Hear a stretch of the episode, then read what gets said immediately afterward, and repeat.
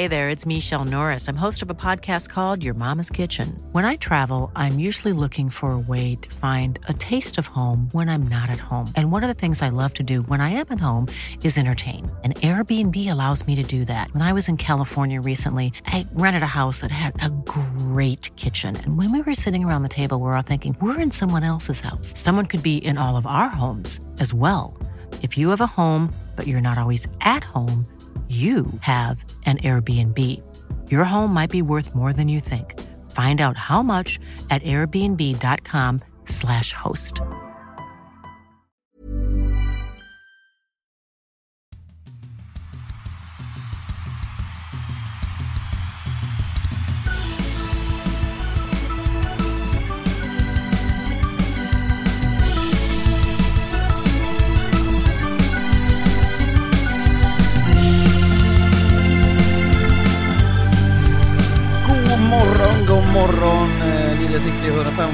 105,6 eh, Veyron i Otan eh, här, nej, eh, nästan. Det är tidig morgon för oss när vi spelar in idag, och vi har en, en härlig hockeykväll fram, bakom oss. Framför eller bakom är lite grann det vi ska fundera fram här nu. Men lite på morgonkvisten Daggen, men för- vad, vad gjorde du onsdag kväll? Jag kollar på er. Jag kollar otroligt mycket hockey, men vad fan är det med ditt humör? Och vad, du ser ut som att du har sovit i kostymen, va? Det här Du klagar mig. på- du klagar på- du klagar på Nu- nu- Söderström. Nu, ja, nu lutar jag mig tillbaks och Ja, du har klagat på nu, Söderströms morgon, eh, prom, eh, morgonhumöret, men idag när vi slår upp datorn och kollar på varandra så bara, det är ett åskmoln, Lindberg. Jag ser det. Jag har till och med beordrat dig att gå och hämta kaffe. Ja, jo det, det är sant. Men jag vaknade 07.57, eh, vi, jag åkte med Tobias Karlsson och vår eh, redaktör eh, Staffan Harvig till, eh, till Arlanda igår kväll efter matchen i, i Gävle. Fullskaligt livrädd hela vägen för Tobbe Karlsson tror att det är en specialsträcka i, eh, i, i, i Dakar-rallyt någonting, och så var det liksom snömodd och eh, ja, men ganska kraftigt ihållande snöande. Eh, satt lite spänd där, kommenterade körningen lite väl mycket från baksätet möjligtvis, och kom hem sent, somnade väldigt sent och eh, slog upp ögonen 07.57 och kom på att just ja, nu ska vi podda om några minuter. Jag kan behöva en liten startsträcka här. Eh, så jag gjorde, som exakt ni brukar, vi, Dagen brukar ju vara jag och du som säger åt Fredrik att nu går du och hämtar kaffe, annars eh, går Ja, du härifrån. fick du fan gå dit alltså, vi fick beordra. Ja. Fick, du Nej, något, men, fick du någon söt eh, sak till kaffet där? För det, det känns som att Nej, det men- behövs om vi ska sitta här i två kolla här, timmar. nej men kolla här då. Bacon och Lite ägg, ja, äggröra, snyggt. äggröra där. Och här är Guds gåva till människan. Kaviar. Jag älskar kaviar. Är det kaviar? Kaviar? Kaviar? Ja, kaviar det kanske. Kaviar. Kaviar, okej. Äh, äh, gillar ni kaviar? Älskar. Ja, men Älskar. Kes, keso kaviar, ägg kaviar på. Bara köra. Jag är så här periodare på, på kaviar. Det kan, vara, kan gå ett halvår tror jag utan att jag äter det. Eh, jag eh, hade vid ett tillfälle för många år sedan en eh, eh, kortare relation med en tjej som eh, förbjöd fullständigt. Hon tyckte att doften av kaviar var vedervärdig. Det var icke tillåtet i samma byggnad. Så att jag tror jag är skrämd lite av doften. Men det kan vara gott. Det är konstigt för du hade- har ju lite Kalles kaviar-look. ja, det har jag. Det har jag. Du borde ju gilla det. Jag hade, jag hade ju, vad hette en, eh, vi, vi körde bil till när vi pluggade Då åkte vi fyra, fem stycken i bilen varje morgon och, och då var det en som eh, efter ett tag sa bara Lars, snälla kan du inte äta kaviarmackor på morgonen? Ja, det är inget, För det är samma sak, distinkt- det luktade Det är en distinkt Det gör det. lukt. Det är det. Kan det här vara den sämsta starten på ett poddavsnitt? Det kan det, det kan det mycket väl ha varit. Eh, så jag, jag, jag, får dra upp det här, känner jag lite grann. Och därför så hoppar vi direkt in till, eh, till Teddy Bear Toss Game i Gävle. Nej men vi, vi eh, det, här blir ju någon form av hyllningspodd till Södertälje, för eh, oavsett eh, att de har fem raka segrar så är ju den stora grejen att att det är ett helt annat Södertälje som man har sett nu den senaste tiden. Fredrik, vill du börja som stod ringside igår och uh, såg kroppsspråk, såg eh, åkningar, såg det mesta från den matchen? För vi var imponerade av Södertälje efter igår. Men, men det var vi absolut, och eh, vi börjar med att säga direkt att vi separerar på vad Brynäs gjorde och vad Södertälje gjorde så att man inte utgår från att det där är sammanflätat alltid. Eh, Södertälje uppträder ju mycket, mycket tryggare nu tycker jag. Eh, det som jag sa igår och som jag säger eh, igen här är att jag tycker att känslan jag får är åtminstone att man har hanterat när man inte fick poängen med sig, den, den fasen på ett så pass bra sätt att man nu får betalt. För att det var inte problemet om vi backar några veckor, att det var usla prestationer eller att det saknades spel. Det som saknades var att knyta ihop säcken, man hade inte förmågan att göra mål vid rätt tillfällen så att man liksom knuffade matcherna i sin riktning. Det, det får man nu. Men det som jag tycker är mest eh, tydligt i Södertälje just nu är deras försvarsspel. Det som vi hyllade hela förra säsongen. Det som vi har sett tendenser till men kanske bjudit på en del saker. Det känns mycket mer stabilt, mycket mer eh, tryggt och det gör det väldigt jobbigt för motståndarna som, som inte kommer in till öppna situationer och när man får möjligheter så gör man också mål för man har spetsen eh, i Södertälje. Så att jag kan alltid tycka, alldeles oavsett vilket lag det är, men när man ser på nära håll eh, ett lag som, som uppträder precis som ett lag ska göra. Scholl är mycket bättre i mål. Möjligen också för att han får bättre situationer emot sig. Det kommer ur det försvarsspelet. Man ser Marcus Eriksson som sticker upp med offensiv alltså skicklighet, som bryter mönster, som ställer till det för motståndarna. Linus Videll som vi pratade om igår och man kan ha åsikter om att han inte gör poäng i powerplay, dock hade han ett svar till dig Lars i en väldigt Jag älskar den intervjun alltså. Ja, han ville verkligen få fram det. Det säger ju så mycket att han bara, jag hade ju faktiskt ett. Ja, men det där, det där vet det. alla hockeyspelare, har man varit på den ja. och inte fått den, då jäklar. Rätt ska vara rätt, världen kan vara i brand, men får jag inte min liksom assist där, då, då svider det. Nej, så det, det, är ändå intrycket av ett, av ett Södertälje som, som är väldigt stabila och spelar en bra hockey just nu vi har väl klagat ganska mycket på prioriteringarna i spelet också. Framförallt, om du pratar försvarsspel, så tycker jag att det, eh, spelet med puck högt upp i banan är mycket bättre. Man tappar inte pucken på ett, eh, samma sätt i mittzon som gör att man får kontringar emot. Så jag tycker att prioriteringen av forwards blir mycket bättre och då blir också försvarsspelet bättre på ett sätt. Så jag tycker spelet högt upp i banan är det som gör att man får ett bättre försvarsspel. Jag tycker, jag tycker inte själva liksom, lite, stationära försvarsspelet i 5 mot 5 har inte varit så dåligt. Eh, det är mer att man har liksom tappat puckar på fel ställe. Man har inte varit ödmjuka nog till att lägga ner pucken. Jag tycker man gör det nu. Sen hade vi ett, eh, en analys där i, måste ha varit andra paus med god hjälp av Mikko som sitter i Stockholm och plockar fram saker åt oss som, eh, som också påvisade eh, försvarsspelet, spelet utan puck över hela banan, alltså sättet man gör ett val, när ska vi upp och jaga, när ska vi ligga på rätt sida? Man, på lite klassiskt manér tycker jag tvingar motståndarna, Brynäs i det här fallet, att, att hamna i, i trånga lägen. Det blir mycket en mot en, en mot två för Brynäs och då skickar man iväg puckar så plockar man upp det där. Så att ur många perspektiv tycker jag Södertälje bekräftar en väldigt bra nivå för tillfället. Men kedjan där då? Eh, Videll, Mattius och Macke Eriksson, Lars. Ja, nej den är man ju ruggigt svag för. Eh, sen är det sjukt nu att Marcus Eriksson, nu är han bara 21 poäng bakom Henrik Björklunds rekord. Och jag menar, det, är Marcus Eriksson frisk den här säsongen så kommer han ju slå rekordet den här säsongen. Det vore ju väldigt, väldigt konstigt annars. Men anmärkningsvärt powerplay dock, Södertälje, med den skickligheten man har. Jag tycker man blir, jag varit inne på det förra året, eller förra podden med Djurgården, att man är lite enformig i sitt sätt att spela. Kanske borde ändra om lite mer. Videll kommer i sin båge hela tiden.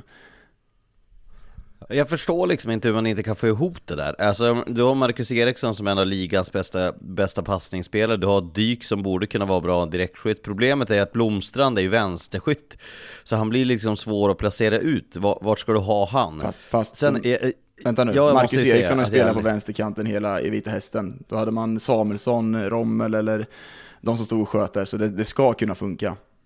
Jo, men nu ska ju Videll spela där, så då kan ju de inte spela ihop, eh, vilket gör att eh, då får du ju ändå eh, hitta någon form av kompromiss på det hela. Jag, jag hävdar ju att det måste gå att hitta någonting som gör att det där blir bättre. För eh, jag är helt fullskaligt allergisk nu mot, alltså nu, nu, nu blir jag gammal gubbe här. Men jag fattar inte varför du ska ha en, en, en leftare till vänster om du har rightare som kan skjuta. Jag, jag, kan bara inte förstå det. Alltså, direktskott är väl fortfarande mest vägvinnande som finns i hockey. Låter du Vad som någon... kan trumfa det? Vem är det du låter som? Det är någon som jag har jobbat med. ah, ja, strunt samma. Nej men förklara för mig, det var ju sån jävla mode att ha det off-wing som alla påstod. Vad är bättre med att ha en, varför ska du ha en spelare med klubban utåt? Dels när Videll och Marcus Eriksson kommer in på vänsterkanten så har de i klubban utåt svårare att ta, sätta press på, de har skyddat pucken på ett bättre sätt. Sen tror jag Marcus Eriksson gillar att komma upp i den här bollen och komma med fart in för att kunna spela över till Blomstrand eh, på direktskott. Så jag tycker Marcus Eriksson hittar ett, om du kollar Ljunggren spelar mycket på den kanten också när de byter. Jag tror man ska hitta ett sätt att switcha på det lite. Jag tycker att Videll kanske är lite statisk i sin sätt att spela powerplay just nu. Han har sitt sätt, han har gjort det bra förra året, men om han har gjort något bra, då måste man också byta, för man blir ju läst på det sättet. Så jag håller med om att man kanske behöver variera sig lite i sitt powerplay, men eh, jag tycker att det är generellt sett svårt att spela power, eller boxplay mot de som är skickliga med att komma in med klubban från det hållet. Det är också uppenbarligen svårt att göra mål när man spelar så för det lag som anfaller så att... Du kan väl fråga nästa gång varför Marcus Eriksson, han har ändå gjort 500 poäng i Hockeyallsvenskan, varför Ja men hur bra går det för Videll på att spela på det där då? Kanske någon som borde säga åt Videll att vi kanske ska prova något annat? För det, det håller jag med om, de borde verkligen prova något annat. Jag tycker man är i en form i. Jag kan säga så här när det gäller powerplay, i väldigt många fall eh, och eh, även i Södertälje så har ju spelarna en stor eh, ett stort inflytande i hur man spelar. Det är väldigt få lag där, du, där, du, där det är tränarna som, som till 100% styr eh, hur du tar dig ut, hur du tar dig in, hur du sätter upp, var du står, vem som gör vad exakt när. Det, det bygger på skicklighet, det bygger på någon förmåga som med tiden kan varieras lite grann, det hänger ihop lite grann med självförtroende. Jag tror jag att det här är ett av dilemmana, det har jag sagt förut också kring Södertälje, som jag inte tror är över och förbi bara för att man går bra nu. Det är någonting de måste jobba med hela tiden, det vill säga vem ska göra vad? Det är tätt med eh, starka personligheter och hockeyspelare som gärna vill bestämma hur man ska spela. Jag tror att det finns en envishet hos en sån som Videll och för all del hos Marcus Eriksson och hos Dyk och hos Blomstrand och några till som vill ha det på sitt sätt. Och att, att eh, synka det där är inte alldeles givet och enkelt. Och då får man som tränare ta ett kliv in och tala om att men nu får vi göra på det här sättet. Nu får vi eh, förenkla lite grann, vi får förtydliga lite grann, vi får spela på det här sättet. För att det som kommer att ske är när man väl börjar göra mål, det kan vara på ett skitmål. När det börjar släppa lite så kommer det också bli bättre. Jag blir redan nu så förbannad när jag kommer att börja få mail från Mora-folk bara Har du sett att Johan Persson skjuter med klubban utåt till höger? jag säger det! Jag är, redan nu, jag är redan nu förbannad om jag får ett sånt mail jag, jag gillar när man switchar mycket, eh, bli inte status i det Hitta Nej. två vägar att gå, eller flera vägar att gå men, men med det, eh, eh, Fredrik var inne på det lite tidigare är Scholl liksom, har han hittat Hockeyallsvenskt spel nu? Eller är det att försvarsspelet hjälper han så pass bra att han ser så bra ut? För nu ser han ju helt plötsligt lugn och stabil och trygg ut, eh, och såg väl fladdrig ut i början var väl min magkänsla i alla fall. Även om jag inte ska vara säga att jag är någon målvaktstränare direkt. Om man tittar på hur Södertälje släppte till chanser så var det ju mycket, man, vi var inne på det innan, man tappar puckarna högt uppe. Det är inte lätt att komma i två mot ett situationer, tre mot två som man hamnar mycket i. Nu har man ett tryggare försvarsspel, eh, då ser också målvaktsspelet mycket, mycket bättre ut. Finns väl alltid eh potential och det jag tycker vi kan påminna om att det med Södertälje förra säsongen, Tolopilo var ju grymt bra. Eh, för bra, om man nu kan vara det. För det, det, det reparerar en del besvärligheter. Scholl har inte varit där, men att det är en bra målvakt, det har vi väl sagt, det har vi ju trott. Men att han nu har en mycket bättre situation och det hänger ju ihop, precis som vi pratade om att Waterlinen är jättebra i Björklöven så är ju inte det att Björklöven har ett uselt försvarsspel och han får, får rädda upp det i sista stund, utan det hänger såklart ihop. Eh, ska vi gå över till motståndarna igår då, Brynäs, som ju, alltså ren fakta nu är att på de tre senaste hemmamatcherna har Brynäs inte gjort mål. De har alltså nio raka perioder på hemmaplan, nollade framför sin publik. Igår hade de ju dessutom den här eh, kampanjen En bra start som innebar att vid Brynäs första mål så skulle de kasta in en massa teddybjörnar där pengarna skulle gå då till bra ändamål i Gävle. Och det blev ju någon form av totalt eh, antiklimax när folk fick kasta in det där i tredje powerbreaken då, för att eh, Brynäs hade ju inte gjort något mål. Och jag blir inte klok på det här. Eh, lite grejer bara som ska, folk ska veta som inte var på plats i Gävle igår. Det första var det att Direkt efter matchen så, så gick eh, Brynäs in i omklädningsrummet och vi ville ju ha Niklas Hjellstedt till en intervju och det var väldigt högljutt från, eh, från Brynäs omklädningsrum. Gällstedt kom ut till våran intervju efter ett tag och eh, svarade ju bra på frågorna om, om läget och var ju väldigt tydlig med det, det var inte tillräckligt bra, Alsen sa samma sak. Dagen, vad såg du från TV-soffan efter nio mållösa perioder i rad på hemmaplan? Jesus, eh, eh, jag och Fredrik pratade lite innan podden gick igång, jag tycker väl inte att Brynäs insats är så jäkla dålig. Jag tycker mer att det är Södertälje som gör det fruktansvärt bra. Däremot tycker jag att det ser energilöst ut. Jag tycker att det inte är det här draget vi såg i början. Jag tror någonstans att vi pratar mycket om att man skulle ha en bra självbild innan säsongen. Jag tycker att det har gått lite för lätt i serien nu eh, ett tag. Jag ser inte det där självklarheten i spelet som man hade innan och det, det tror jag man har tappat lite ödmjukhet. Eh, om jag får kolla på det igår. Jag kan börja i den änden som du startade med egentligen Lars, med att man stängde in sig efter igår. Eh, egentligen inte dramatiskt, det har jag varit med och gjort där man är på uppstuds, eh, förbannad och besvikna och så ska man reda ut saker och ting som sällan blir utredda direkt efter när pulsen är hög och det blir någon form av affekt. Och det är snarare så att man sänder en signal om att det är något som inte stämmer. Det är, behöver inte vara så överdramatiskt. Ofta sägs de bästa orden dagen efter, man tittar på video, man har eh, klar, mer klarsynt uppfattning. För att eh, Brynäs eh, har haft en period här, det är inte bara matchen mot Södertälje utan eh, kanske tre, fyra matcher där det har varit sämre, där det har varit någonting som har utvecklats åt fel håll. Och det tycker jag man ska, från Brynäs sida, måste man fundera över.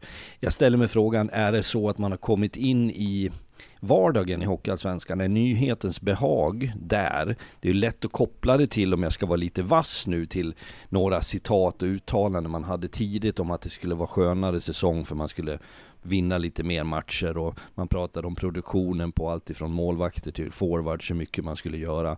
Det här är ju det jag har... Ja. Kinnvall sa det så sent som igår. Men Fredrik, jag frågar bara, de, de går ju inte ut och träffar media. Nej. Eh, De tar bara Alsen och, och vet det, Hjellstedt ska träffa media. Det tycker jag sänder fel signaler. Ja, och det det sänder jag att det är sagt. lite mer... Ja, jag tyckte inte... Alltså, okej. Okay. Ja. Ja. jag tycker bara att det sänder så jävla panik över det. Ja, vad, har du varit och sovit en stund? Det är precis det jag suttit och Kanske- sagt här. Kanske checka ut lite. Nej men det, det, det, det, är ju, det är ju det som är ett dilemma, det blir ju att man, man krisstämplar sig själv på ett orimligt Mm. sätt. För jag tycker, återigen, spelet igår mot Södertälje, det är lika mycket Södertälje som får till en alldeles optimal hockeymatch på bortaplan där man stänger ner. Det jag saknar hos Brynäs, som jag såg förut, är det här klöset offensivt. Man var väldigt bra på att ta puck framåt, man skapade med genom bra fart genom mittzon, bra ingångar i offensiv zon, så satte man varje motstånd på i problem när man klev in i zon. Och man var drivna, man hade Kopacka som kom och hade kliniska avslut, man hade Kelleher som utmanade i fart, man hade Wessel som gjorde bra saker, Rödin hade trycket och så vidare. Det ser inte jag nu. Och jag tyckte en sak som du och jag Lars noterade omgående i starten av matchen, så var det väldigt lågmält i Brynäs bås. Ja. Det var noll väldigt. energi. Ja, noll energi och det, det kändes li... Alltså, jag, jag säger inte att man ska, ska liksom säga att folk är omotiverade till en match, men du kan se jäkligt mycket på ett kroppsspråk på hur folk reagerar på situationer. Om man åker ut och liksom bara så här, åh, så här, sucka och är less. Det, det är men lite grann som ni upplevde att jag var här inne i en inspelning. Då kanske man behöver göra någonting och slänga in ett Det var jävla det vi gjorde, vi skickade dig och hämtade Ta äggröra. kaffe. ja, exakt. Nej, men eh, på riktigt. Jag vill gå återgå till det ni sa. Vad har man att vinna som klubb på att bara skicka ut sportchefen och tränaren eh, för att så här, inte prata efter en sån där situation? Inget. Vad, vad har man att vinna på det? Daggen, om du var lagkapten och så sa du åt eh, eh, Ville Westlund att säga, "Nej, du behöver inte prata med media, jag tar allting idag så nu när det går dåligt, eller typ tränaren. Vad, vad har man att vinna på det? Nej, jag tycker inte man har någonting. Det sänder ju signaler utåt sett. Eh, Det sänder ju att man har kris. Du kan ju gå in i omklädningsrummet, vi säger i, om det, nu tycker inte jag att, att Brynäs har kris. Jag tycker inte man har en kris. Jag tycker att matchen igår var mer Södertälje, så är det klart man har en liten en dipp i spelet och jag är orolig för att det ser så energilöst ut. Att man har en, eh, man är inte ödmjuka nog. Jag tror att det, man fick en väldigt knäpp på näsan igår, men däremot att inte gå ut och ta media, det sänder mer ut mot fans, mot eh, partners och alla runt omkring att man, man upplever själv att det är en kris. Och historiskt sett så har ju, eh, Gävle och Brynäs inte klarat av de här situationerna, så jag är intresserad av vad händer nu? Vad händer nästa steg? För det här har de inte hanterat bra innan. Jag säger så här, håll kylan, var lugna, jobba successivt med den här truppen. Grips inte av panik nu och börja göra det som man har gått in i fällan innan, varför man har hamnat i Hockeyallsvenskan. Jobba jag, lite Jag tror ju att det här, det här, exakt det här att man börjar redan nu, så här, sportchefen tar media efter matchen, det är någonting det skickar som signal till mig. Det är så här att, ja men era spelare klarar inte att stå upp när det blåser emot. Och det gör ju att jag blir orolig för Brynäs. Alltså på riktigt, jag minns exakt hur det var i Djurgården när, när de åkte ur. Det var bara Ludvig Rensfeldt som stod där och liksom alla andra som hade, hade varit fullständigt värdelösa det där kvalet, bara pös kan undan. Inte, kan vi inte gå tillbaka ett år då? Kolla Modo. Ja. De hade en period ja. då vi, de var helt självklara, helt överlägsna i serien. De har en period där det går ganska dåligt. Jag säger nog att de uppträdde professionellt. De pratade med media, de sa inte att det var tillräckligt bra. Vi kommer bättra oss, vi kommer ta in, addera det här i truppen, vi behöver den typen av spelare. Men det greps inte av panik, vi visste, de visste hur bra de var. Och det tror jag för Brynäs del också, men jag är osäker på om man väljer den vägen. Det, är, det relevanta och intressanta med Brynäs är ju vad, vad, man gör idag och hur man agerar fredagskvällens match på Hovet mot AIK. För mig skulle det vara, om jag var del av Brynäs så skulle jag se fram emot den matchen. Jag skulle inte vara egentligen besvär. Jag skulle vara förbannad. Eh, jag såg att Alsen hade sagt att han var inte förbannad, han var besviken. Fan, då gör det ont i kroppen. ja, ja, men alltså det är ju som att säga till barnen, eh, som jag inte har några, men, men när, när någon vuxen säger att man, de är besviken på det, det, det gör ju ondare än att någon blir förbannad och, och, och så. Det, det, det, konsten är att, motgång slår emot alla förr eller senare. Konsten är att hantera det på rätt sätt och jag tror att det handlar om dels hur du förhåller dig till varandra, alltså kravbilden från tränare gentemot spelarna hur, vilka knappar trycker jag på? Vilka är de ömma punkterna? Vilka sanningar måste sägas, måste visas på video? Men också det som Dagen, du och jag pratat om, inte i podden men, men mellan oss många gånger. Det här den, eh, alltså omklädningsrummets förmågan hur du beter dig mot varandra, alltså kravbilden, mm. spelare till spelare. Uh, ung till gammal, gammal till ung tränarnas resonemang till spelarna, spelarnas svar till tränarna. Alltså vad mm. har vi för miljö? Vad, vad, vad, ska ribban ligga någonstans?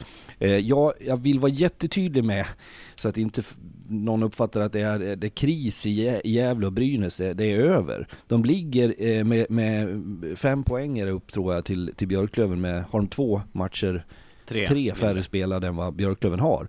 Så det är klart att de är någonstans där de ska vara i en tabell. Problemet tror jag ligger i vad de runt omkring har förväntat sig. Exakt samma fälla som till exempel HV71 gick i för två säsonger sedan. Förra säsongen var Djurgården där. Att man inte begriper hur komplicerad Hockeyallsvenskan kan vara. Det är någonting helt annorlunda än vad SHL är. Det är så, det vet vi. Vi har jobbat i de här ligorna, vi har sett det på nära håll, vi har följt det, vi vet att det är så. Men det är en ny situation för Gävle och för Brynäs mm. delvis. Och jag tror att starten gjorde dem lite tillbakalutade. För det var matcher man vann, man ångade på som en maskin, man fick vara effektiva, rätt spelare fick göra mål. Nu kommer den där perioden som är så avgörande för resten av den här säsongen. Så mycket vågar jag säga. Vad tar man för väg ur det här nu? Mm. Är det två, två liksom fräcka elitprospektsvärvningar? Nej, jag tror inte det är vägen ut. Utan det är hur du hanterar internt nu. Mm. Jag, jag, tycker att det är sjukt, eh, jag tycker att Gällstedt säger väldigt bra saker när han kommer till oss. Han är väldigt ärlig med, med problematiken, att vi tävlar inte tillräckligt mycket. Och jag, jag tycker att Gällstedt ändå på något sätt ger ett sansat, lugnt eh, intryck. Att han svarar jag... inte på frågorna. jag tänkte säga, nej, han svarar nej. inte på en enda fråga ni ställer, han nej, pratar ju runt om. Men... Jag skulle att han... han men då har man också bestämt sig. Låt mig säga det. Ja, det har jag själv exakt. klivit ut där så har jag en klar bild av vad jag vill säga för att jag inte ska bli alltför ärlig. Och då blir det någon så här slags politikersvar och då, då, då missar man ibland den direkta frågan. Ehm, så, så kan det vara. Mm. Men eh, jag vill bara säga, fint innan matchen också, Stisse. Det är en stor profil i Karlskoga, men ja. framförallt för sitt eh, för sitt Brynäs. Jag har ju fått... Bensinmaxägare, var han det? Exakt. Nej, inte ägare, men han jobbar på macken i Sandviken på väg ut mot Örebro, så jobbar han alltid det. Så man stannar och köpte en, en liten japp av han där och, och snackade alltid lite Brynäs. Och han hade alltid glimten i ögat. En otroligt varm och fin människa, måste jag säga.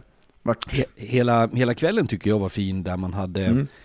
en bra start. Det som du Lars träffade uh, var en kommersiell chef Ja exakt. Eh, men att se de här barnen som vi, vi smög runt i katakomberna innan och de här teckningarna man hade satt upp och var du än gick så, så flög det ut ungar från olika rum. Kom någon från domarrummet, rätt ut och det kom någon från tränarrummet. När vi var inne och pratade med Brynäs tränare innan så dansade in en, en eh, ett barn som skulle ha åsikter och, och, fick vara med. Jag tycker, det var, jag tycker det var en härlig grej. Och sen något som var ja. bra om vi pratar domarna bara, härligt att man kan ta bort den där utvisningen. Alltså bra att man kan göra det. Jag tror att när Rönnberg tog upp armen, jag vet själv som domare, det smäller hårt. Ja, men Hjälmen han flyger. Det. Han säger ju det Farten. Ja. Du vet, du, du kommer, du har en känsla och du bara rycker till i armen.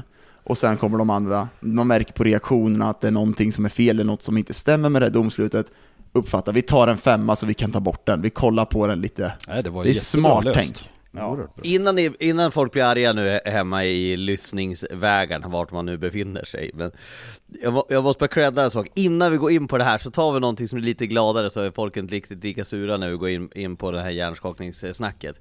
Vet ni, känner ni till Lurken? Per, per Åke ja, Bäckman ja, ja. som är, är, är materialare i, i Brynäs. Jag tror att det var han som sa det här, jag, jag ska inte vara alltför säker, men han hade, han hade humor och det här tycker jag var förbannat jävla roligt. Eh, under line-upen så åker ju, det är barn som åker ut på line-upen. Det, det, det, alltså barn är ju speakers, det är barn som får åka in på entrén, det är barn som åker ut på line-upen som då presenteras av, av eh, den här unga speakern. Just när det där sker då så jag tror att det var Lurken som sa det till mig, han bara du, har du sett Kelleher? För han är borta.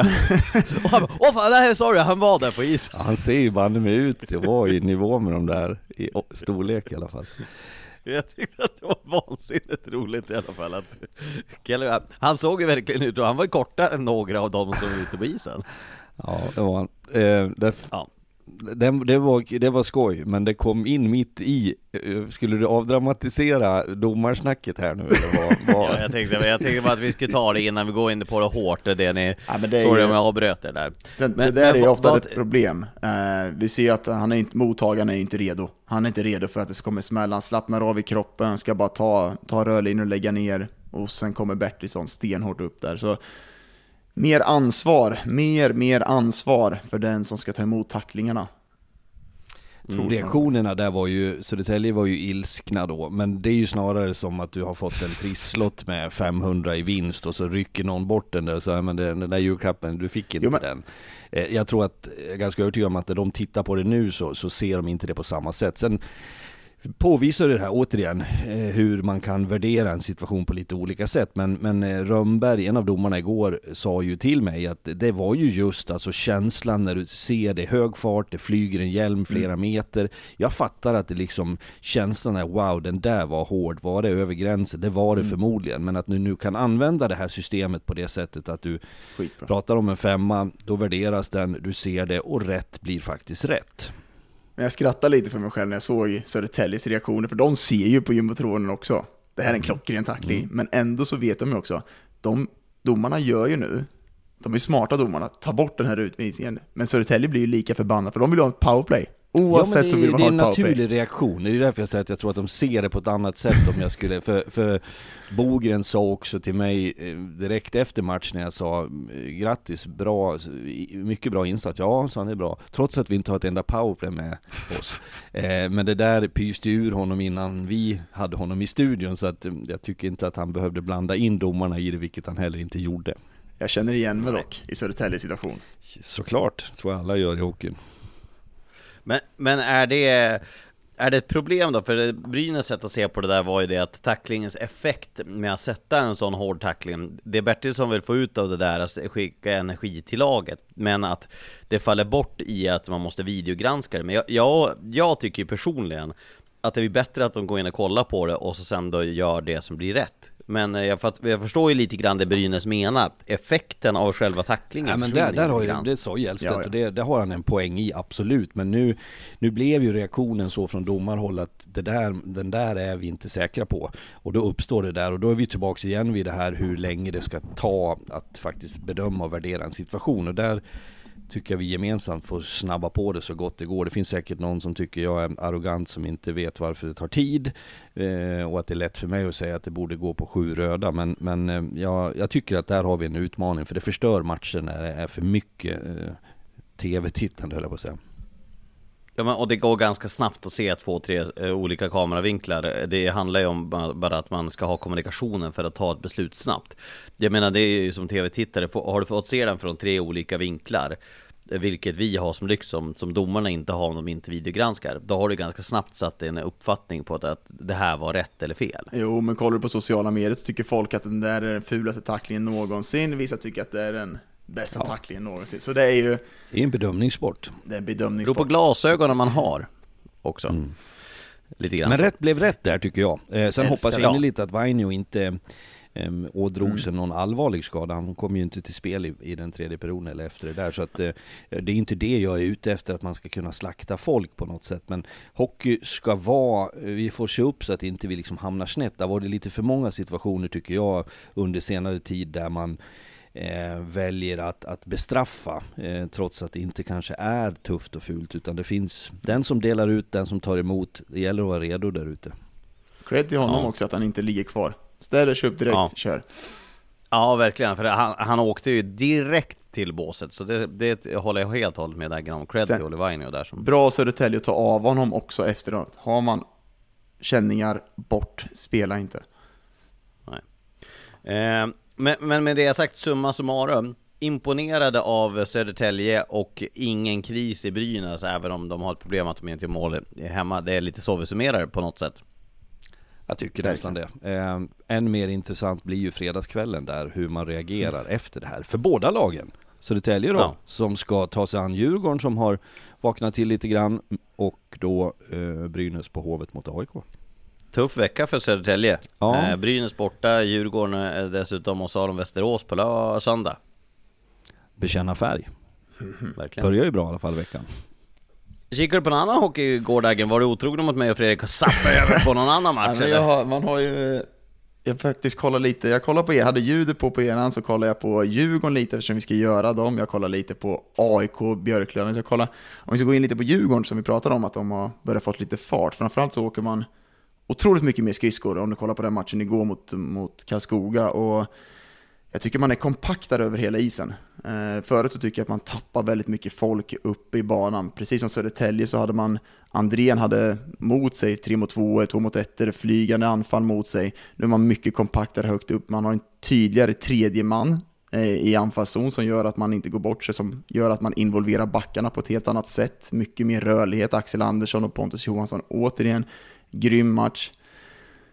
Men det är, det är verkligen ett, ett, eh, ett energipåslag i detta Djurgården som är mycket bra och jag tycker man är kompaktare som man inte har varit innan. Mm.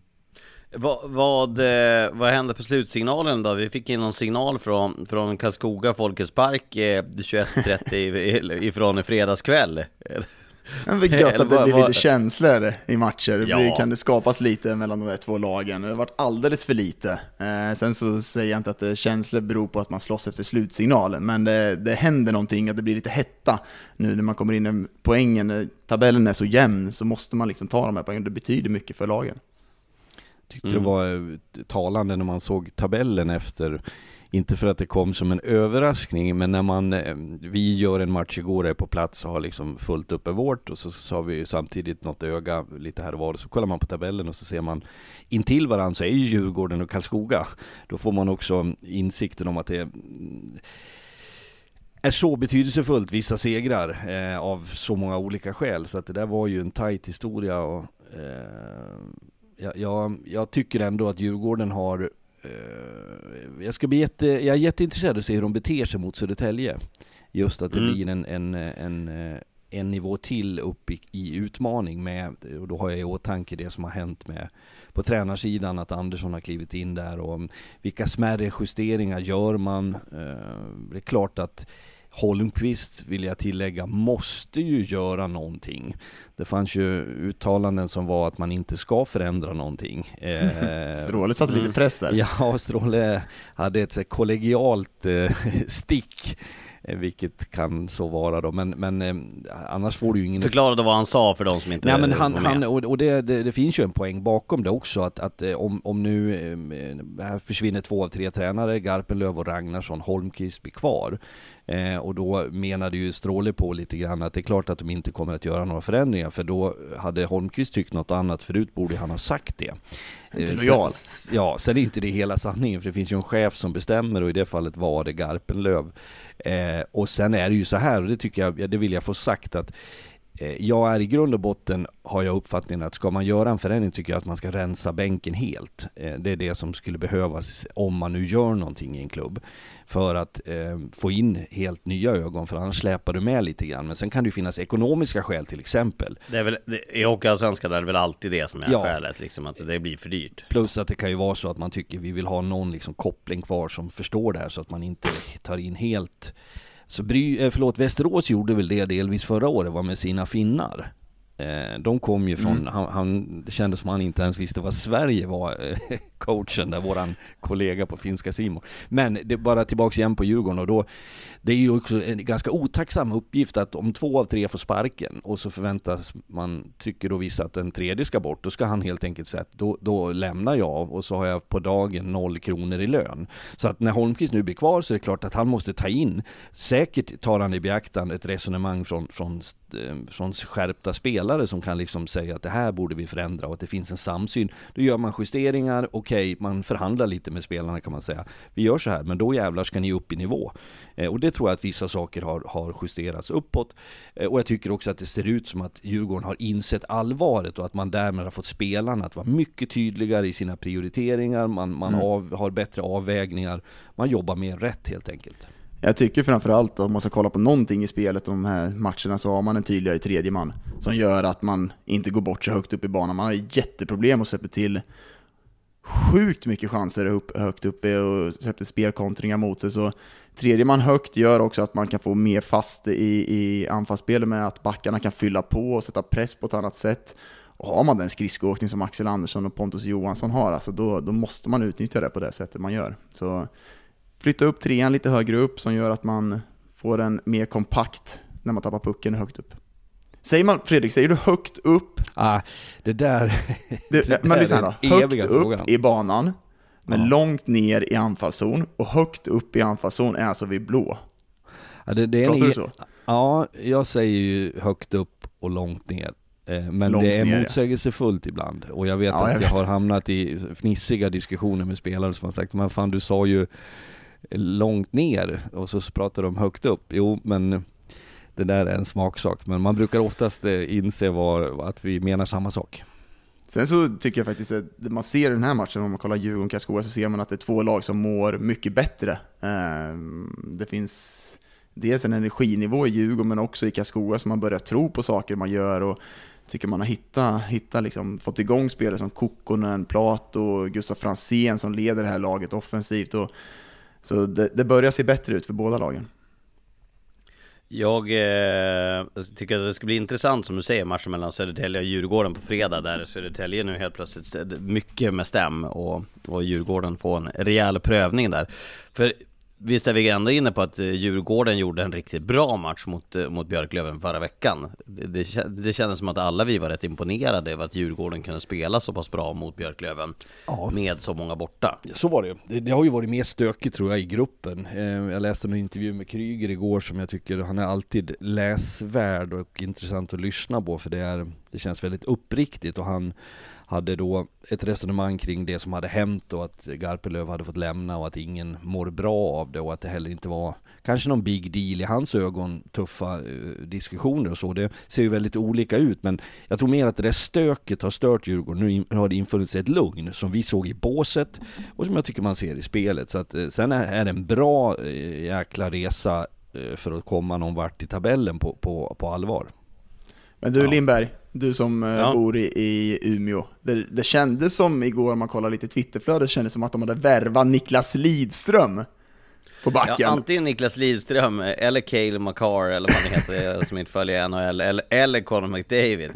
Men är det, no, är det någonting, nu får de ursäkta, jag blev utjagad från stan när jag ska flyga hem i eftermiddag.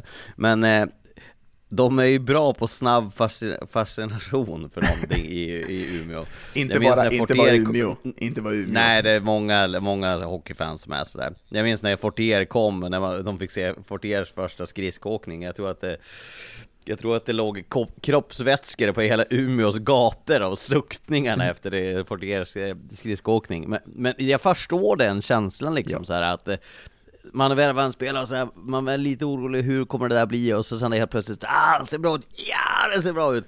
Du vet ju det är, vi Liverpool, eller du Liverpool, jag United. Kommer det någon som ser bra ut, en första touchen, det här kommer bli bra, sen är det. Var som när du såg Anthony första gången, de där överstegsfinterna, vilken succé det kommer bli. Men när han inte värd fem öre, du ska inte, du ska Nej, inte ta igen med en servett om du fick. Jag känner, jag Eh. har igenkänningsfaktor med Umeå-folket när man ser en spelare Ja. som. Men tur. Manning, Stråle sa ju faktiskt bara kort i, i första intervjun att han tyckte att det såg, det var ungefär det de hade letat, men det ska bli spännande att se. Jag tycker att arbetsprovet måste bli större vill- innan, man, innan man tar det på allvar. Jag vill bara säga att jag tyckte han såg bra ut i matchen. Jag tyckte verkligen att han såg bra ut. Han såg bekväm ut eh, tidigt in. Får han spela med Rahimi också, de två tunga backar, men han såg bra ut med pucken. Då är det tur att det finns såna här torra och tråkiga människor som jag, som säger lugn, sitt ner i båten. Eh, jag tror Jag sa inte man... Det var ju det Ja. vi sa, nu checkar Ja. du ut, vi var ju precis det vi sa. Nej, nej, ni, Vad ni, rycks med, ni rycks med grabbar. Du, jag såg hur du satt och kollade på Britt var ute med soporna där ute till vänster. Jag är i Gävle så hade Britt varit här hade blivit djupt förvånad. Då Eh, får du lyssna på podden Nej, precis rent där. generellt så tycker jag på de här spelarna, vi pratade ju Jordi Ben igår med eh, den gode Tommy Sjödin i en paus där som var inblandad i det också. Eh, jag tycker ju att Han var mysig Tommy. Ja det var en jättemysig intervju, det är en, det är en härlig människa. Men dit jag vill komma är att jag tror lik, i samma utsträckning på Manning att det ska inte förväntas vara någonting som förändrar Björklöven. Det, det är en vansinnigt stor skillnad på att förändra och förstärka ett lag.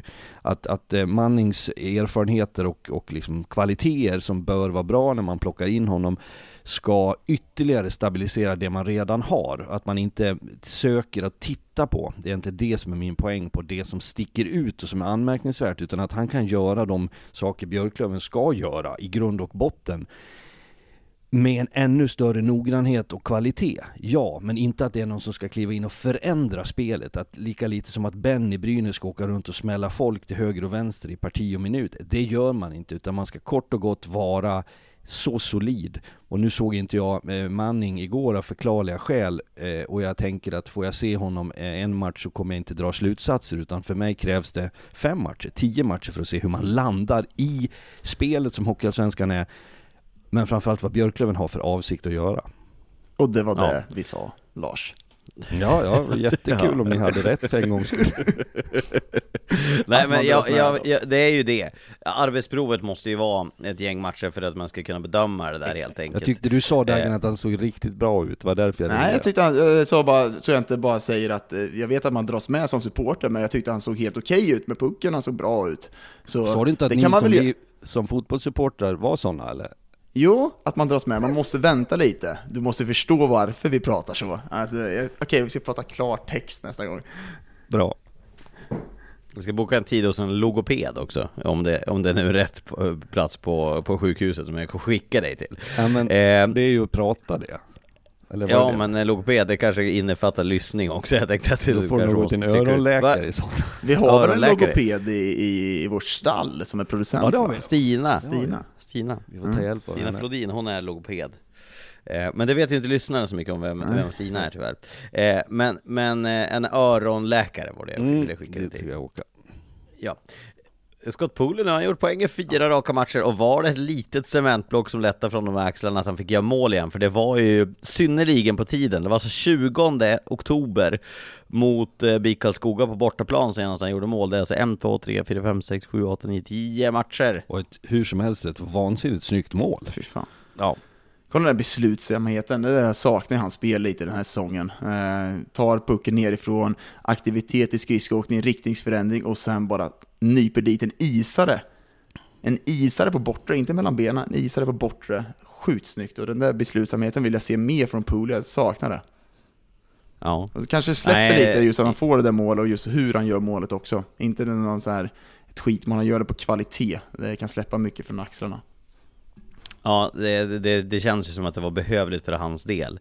Eh, sen fortsätter ju, Powell har alltså nu gjort mål i fyra raka matcher, fortsätter ösa en poäng så att det blir ju, det känns ju lite grann som att det blir ett race med, mellan eh, Miles Powell och, eh, och Marcus Eriksson i poängliga-toppen på något sätt. De, de, de sticker ju ut i deras poängmaka. Men i den här matchen, jag tycker att eh, om du kollar första perioden så är det, det är Voutilainen mot AIK. Eh, jag tycker att AIK är mycket bättre. Sen så tycker jag att Björklöven gör 40 riktigt bra minuter där man visar eh, hur man ska spela och vilken jävla tyngd man har när man väl sätter ner. För jag tycker att man har, i vissa matcher har man tappat det. Eh, men nu i de här 40 minuterna så visar man liksom att man är det laget som ska vara där uppe. Vet, nu får ni inte tjuvkika. Vet ni vem som har smugit sig upp nu? Får man ju ändå säga smugit i bakvattnet som nu är trea i poängligan. Vem? Kilke är trea. Mm. Den är uppe på 19 poäng på 20 matcher. Ehm, och då har vi ändå inte pratat jättemycket om Kilke. Det har ju inte varit så att han har varit fullständigt lika dominant som han var i fjol. Nej, men det finns ju en nivå till tror jag på både Kilke och Poli såklart. Eh, och frågan är eh, Eh, hela Björklöven egentligen. Det är, jag, jag vet inte om jag förändrar, segern igår förändrar kanske inte min grunduppfattning om Björklöven. De har, de har varit bra, de är ett av de här lagen som definitivt eh, går för det och som jag tycker visade. Sen har de haft sin lite trassliga period. Om vi pratar om Brynäs förut som har haft nu några knöliga matcher så har Björklöven haft detsamma på sin turné. Det blev en, två poäng i Mora, det blev noll poäng i Karlskoga. Och sen en sån prövning som det blev då första perioden igår, ett AIK som är, som är mycket bättre nu. Eh, och att man där biter ifrån och vinner den tror jag var väldigt viktigt för, eh, för Björklöven. Intressant att se vad AIK tar för, för väg nu. De hade fem raka segrar. Och sen är, De nollade i två raka. Ja, en uddlös match nere då i Kalmar och sen igår. Och så tar man emot eh, Brynäs. Det är upplagt för eh, oerhört intressant eh, match. Fullsatt Hovet också. Ja, Det är fan inte Första ofta AIK. 1400 Mm. dagar när AIK står som hemmalag. Det där kommer bli jäkligt häftigt. Det, det, är tid, det är sena matchen det va? Det är, Brynäs, eh, det är AIK-Brynäs som är den sena matchen på Mm. Superfredagen imorgon. Vad, en grej som jag inte blir klok på i Hockeyallsvenskan, det, det, är, det är dels Mora, som jag ändå ger någon form av hyfsat stabilt eh, intryck även om de inte eh, trycker på att de ska vara i toppen. Men Västerås blir jag inte klok på. Ni, du, ni som var nära Mora i, i onsdags, vad, vad fick ni för intryck där, eh, Fredrik? Jag tycker att Mora spelar, för det första, en väldigt eh, spännande hockey. Det, det är eh, byggts vidare på det vi har sett av Mora senaste åren. De spelar respektlöst och då menar jag utan eh, tanke på konsekvenser emellanåt på, på eh, vilket ger underhållande hockey. Det kan vara lite kostsamt ibland för att den, den är också att spela på, på någon slags gehör, på inspiration, på fart kan också vara lite risky. Man åkte på ett mål mot Björklöven där, kvitteringen som jag tycker man tappade puck när man går in i offensiv zon till exempel. Eh, och när jag summerar upp Mora så känner jag att man får full effekt. Det är, en- det är en skicklighet i en klubb, i ett lag, att få god effekt på väldigt många spelare. Jag är förtjust i de här unga spelarna i Mora som jag tycker kör, som har ett, ett väldigt driv. Det finns fortfarande kanske en nivåhöjning att förväntas av några av dem som ska vara i framkant, men det kompenserar man med andra. Så Mora spelar bra, de gör det bra, de smyger där bakom och när vi pratar med Hägglund, sportchefen, så märker jag att han gärna undviker strålkastarljuset och tycker att det är ganska bra. Daniel Hermansson lika så. De har inget behov av att vara störska i, i media utan de har bestämt att de ska vara med i det här, de ska jävlas med de stora lagen. Sen är de värda respekt när de gör det bra. Jag tycker att segern mot Västerås, som jag bara följer via highlights i vår sändning och när jag tittar i efterhand på lite siffror och sådär så, så bekräftar det ju att det är starkt. För jag trodde att Västerås jag vet inte vilken gång i ordningen som jag tror Nej. någonting av Västerås. att nu jäklar har de, har de lyft. Och sen Ja, får man den, för- briljans, den briljans Västerås har offensivt många gånger är ju tas ju ner av hur jäkla dåliga man är i, i försvarszon, alltså defensivt. Ja, det, det ju- måste störa Karl Helmersson något enormt. Som, har, som är en vän av ordning och reda och eh, distinkt försvarsspel. Ja men prata om att man, eh, att man liksom, jag tror att Karl tjatar, tjatar hål i öra på de här spelarna för att få igång det här försvarsspelet, men det verkar ju liksom inte komma, och det, det finns, för det finns ju något i Västerås. Det har vi ju sett, det finns en tyngd, det finns en jäkla offensiv lusta liksom, men defensiven måste de få ordning på det här. Hey there, it's Michelle Norris. I'm host of a podcast called Your Mama's Kitchen. When I travel, I'm usually looking for a way to find a taste of home when I'm not at home. And one of the things I love to do when I am at home is entertain. And Airbnb allows me to do that. When I was in California recently, I rented a house that had a great kitchen. And when we were sitting around the table, we're all thinking, we're in someone else's house. Someone could be in all of our homes as well. If you have a home, but you're not always at home, you have an Airbnb. Your home might be worth more than you think. Find out how much at airbnb.com/slash host. Ja. Så jag förstår att de inte vann igår, det var ju United-spelare på läktaren liksom. Ja, det- Någon form av måtta får det vara liksom. Chef. Det gläder mig att Chef. höra att Alexander Lindelöf är Liverpool-fan när brorsan spelar i United och det, det, det, det får mig jäkligt kul att höra. Men vi har ju också för Moras del, det är ju sista, sista dagarna nu på Hall för, för Johan Persson som ju, eh, Häxjakten. som ju jagats, häxjakten där, men det, som vi kan göra oss lite lustiga på. Men efter dagens, eh, morgondagens match på fredag så blir han faktiskt utsläppt och får spela igen. Eh, Johan Persson måste vara första gången i världshistorien han är avstängd. Det är säkert någon som kommer att skicka in nu att han har varit det tidigare, men han är ju den minst fula hockeyspelaren jag kan tänka mig. Ja, ja, det var ingen, jag tycker att den, eh, den, om man ska gå till den tacklingen så tycker jag inte att den är så pass ful att den ska vara fem matcher, men det är såklart en tackling i huvudet så, ja en avstängning, men det är ingen dålig målvaktsmatch ni fick se i Mora Nej. med Ignatjev och Voutilainen där, alltså det är sån jäkla klass eh, på de två. Ta det igen Fredrik eh, efter fredagen, för, för det är ju som Dagen säger, det är ju högintressant. Du var där på plats och såg den där. Ja, och det är så oerhört viktigt eh, såklart.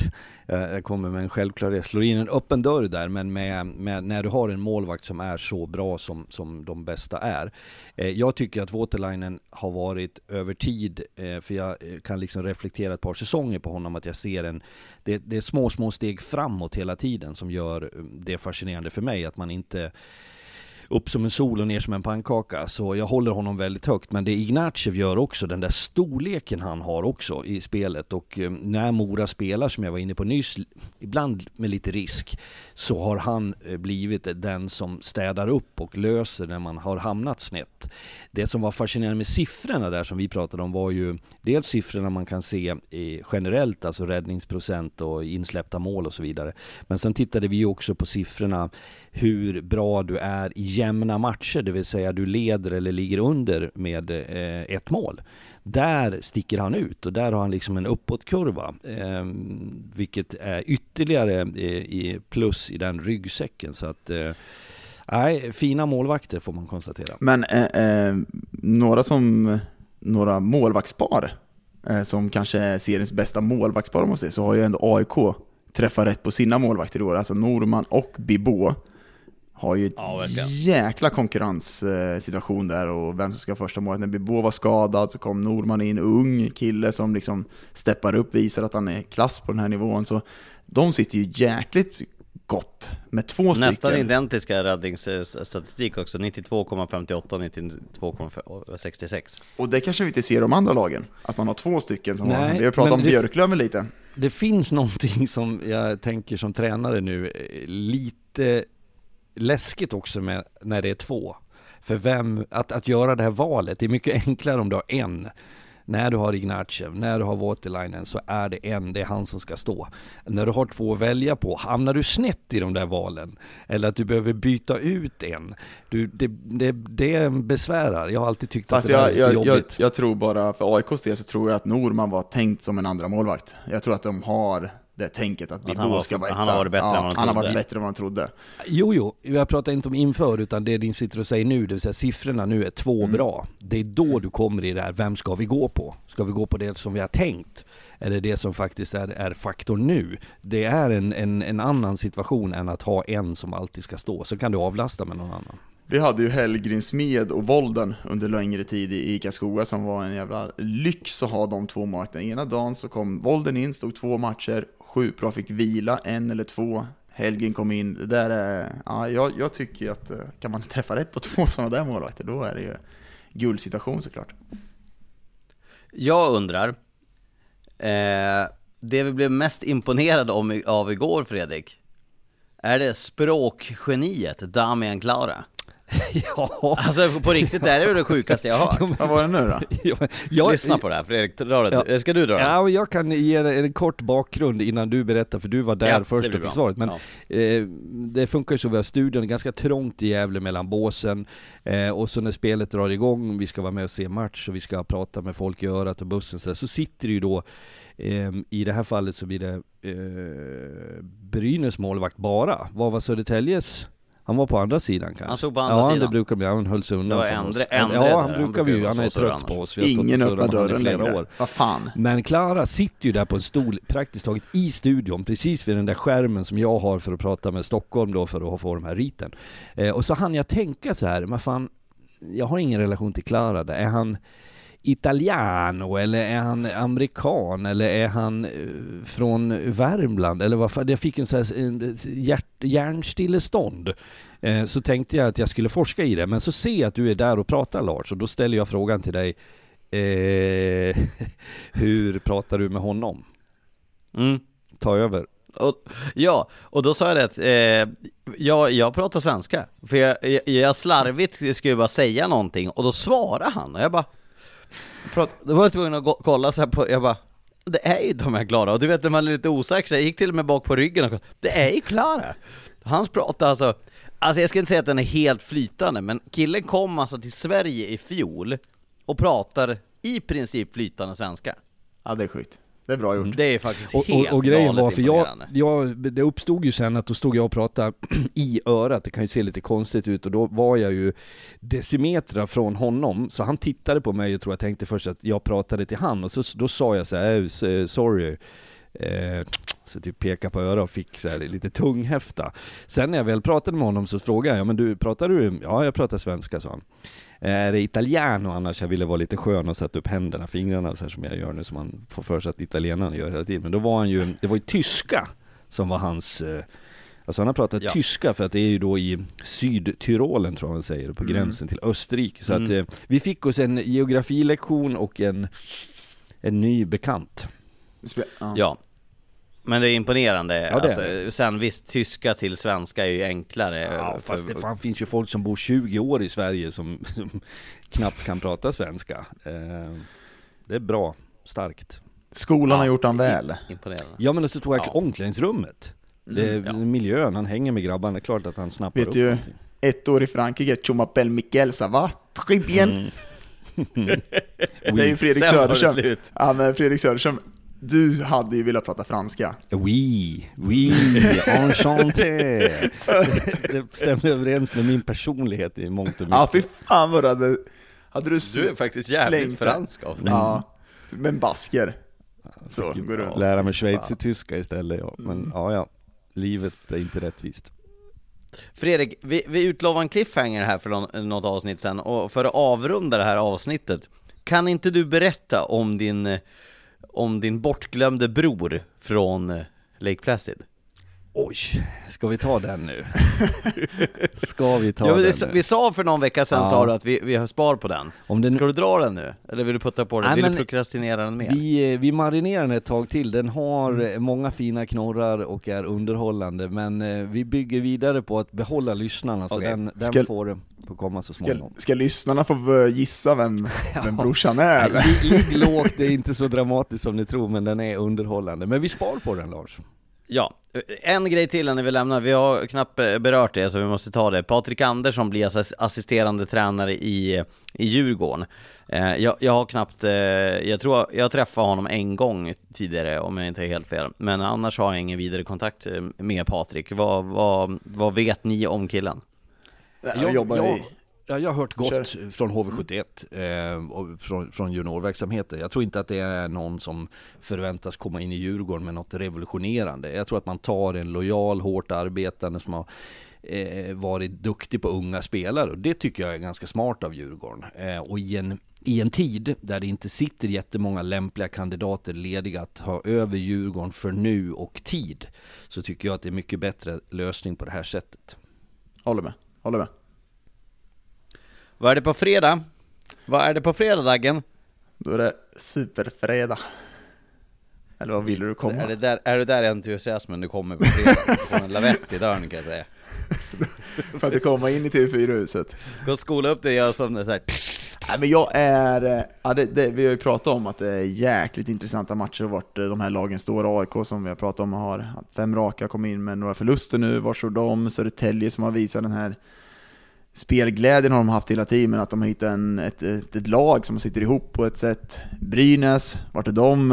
Eh, Djurgården, ah, fy fan det, det är mycket och sen har vi ju sjukt många intressanta matcher. Och tabelläget, jag får lite dock, jag hörde att ni pratade om det igår efter en haltande tabell.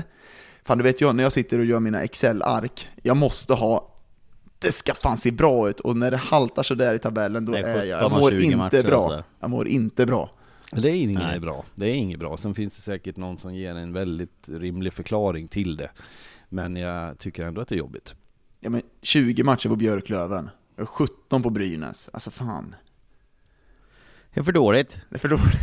Ja, nu drog jag Det är ner för det. dåligt. Nu drog jag ner det. Ja, men- det, ja, ja.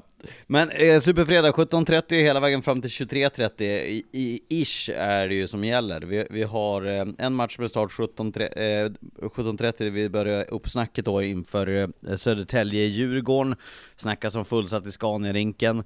Eh, finns ju lite risk för lite stök i den matchen, jag får hoppas att eh, folk kan sköta sig när det är fredag kväll. Eh, och så sen då är det 19 matcherna, då har du Björklöven-Västerås, en av höjdpunkterna. Eh, och så sen då 20.30 AIK, fullsatt Hovet mot Brynäs. Det känns ju... Det, det, det är en jäkla fin kväll. Jag har energin att konstatera. Det är ett flaggskepp för Hockeyallsvenskan de här fredagarna där vi får chansen att i ett annat upplägg fasa en hel fredagkväll där folk har jobbat och slitit hårt, kan unna sig en pilsner eller två, lite gott tilltugg, man kan se på bra hockey och det är nu börjar vi liksom komma in där vi också sätter lite vi, vi eh, etiketterar lagen lite mer, att några går bra, några har utmaningar och vad det gör med oss. Vad är det ultimata Söderström Lindberg snackset en superfredag om ni sitter hemma? Vad har ni? Ge oss menyn. Jag smackar upp en skärkbricka och ett glas gott rött vin. Nej, hade jag köpt. Mm. Det köper jag. Här då. Lindberg. Sug på den här. 17.00, eh, där kring då spelar man upp en gin tonic. Då har man liksom fredagen färdigt, tar vi den, plana ut mot helgen. Norrlänningar. Och så lägger 19 Efter det så tar jag häller du. upp ett glas Pinot Noir, gärna The Butcher, österrikare, fin som jag gillar. Eh, och eh, efter det så eh, börjar du koka ihop någon pasta, det börjar lugna sig lite grann, dottern kanske sitter och börjar snacksa på någon päron eller någonting för att liksom plana ut efter förskolan. Eh, till eh, det där rödvinet så styr du ihop någon god pasta, slangar upp den på tallriken, käkar den, sen rätt ner i soffan, förhoppningsvis med, med lite Babblarna eller någonting då på lilla skärmen. Ja, får man ja. se hockeyn på stora skärmen. Det är kul, man köper 70-tums TV, och så får man ofta se på telefonen Ja, ja, ja, ja, hockeymatchen samma ändå. För att det ska vara Daniel Tiger på TV, man är ju hyfsat less på det. Och så sen då efter det, då låter du rödvinet bara flöda lite grann, stick av med en bira där ibland. Vet du vad jag har? Vet du vad jag har? Burk, långburk, starköl. Klar! Så jävla Jag tycker de här tre sättet, sätten att leva på personifierar lite grann varifrån i landet också vi kommer. Pang på spriten i norr, smuggelöl i, i Dagens hemtrakter och jag ska försöka vara lite fin i kanten och dricka rödpang. Varför ska man vara så jävla fin i kanten i Leksand? Ni är bondläppar allihopa. Ja, Men det är efter mina äventyr i världen. Men jag är en eh, dålig Fredrik, öldrickare. Men eh, framförallt ska man inte dricka för mycket alkohol när man tittar på hockey, för det ger mig Nej. ingenting. Nej. Nej. Men Fredrik, tar du med nallebjörn till mina barn också? Eh, Jag har. Där, Jag vi har det. hela väskan full här. Att, Ja. Du minns det roligaste Daggen, det som inte gick ut i TV? Den, det åkte ju fram den här, den här Brynäs-tigern som slängde ut godispåsar. Och då innan matchen så fick jag höll på att få en sån här i huvudet när jag intervjuade någon. Eh, och eh, sen då efter så tog jag upp den här godispåsen och Fredrik bara Åh, skitbra! Har vi ch- choklad hela kvällen? Kollade jag bort på läktaren och satt det typ en, en treårig tjej där. Sen Då gav jag den till henne och hon var jätteglad. Kollade tillbaka på Fredrik och han blängde på mig, alltså exakt som jag. Är du helt sen, Dum sen kom det en till i powerbreak i tredje perioden och tänkte den här kan han ju fan inte ge bort. Jodå, nog kastade han upp den till någon unge också som plockade pluspoäng. Där stod man ju själv och suktade efter något sött. Det stod och suktade ut med väggen. Så vad säger vi? Eh, Slå upp menyn, ja, nu- nu- 17 17.30, Ja, då åker TV4, vi. Bra hockey. Superfredag. Fan vad gött. Vi kan väl flika in då också att det, är eh, fullgott med alkoholfria alternativ. Ja, men verkligen. Det ska inte... Bara för att jag har osunda vanor så behöver inte alla ha det. Eh, så att vi vet vi det. Med det säger vi tack för den här eh, inspelningen, hoppas ni har haft en eh, trevlig hockeyvecka och så ses vi på Superfredag med start 17.30 på TV4 Play och så uh, Weiter. Ehm, nu får ni säga hej då sist grabbar. Hej då! Ciao. Tjaba.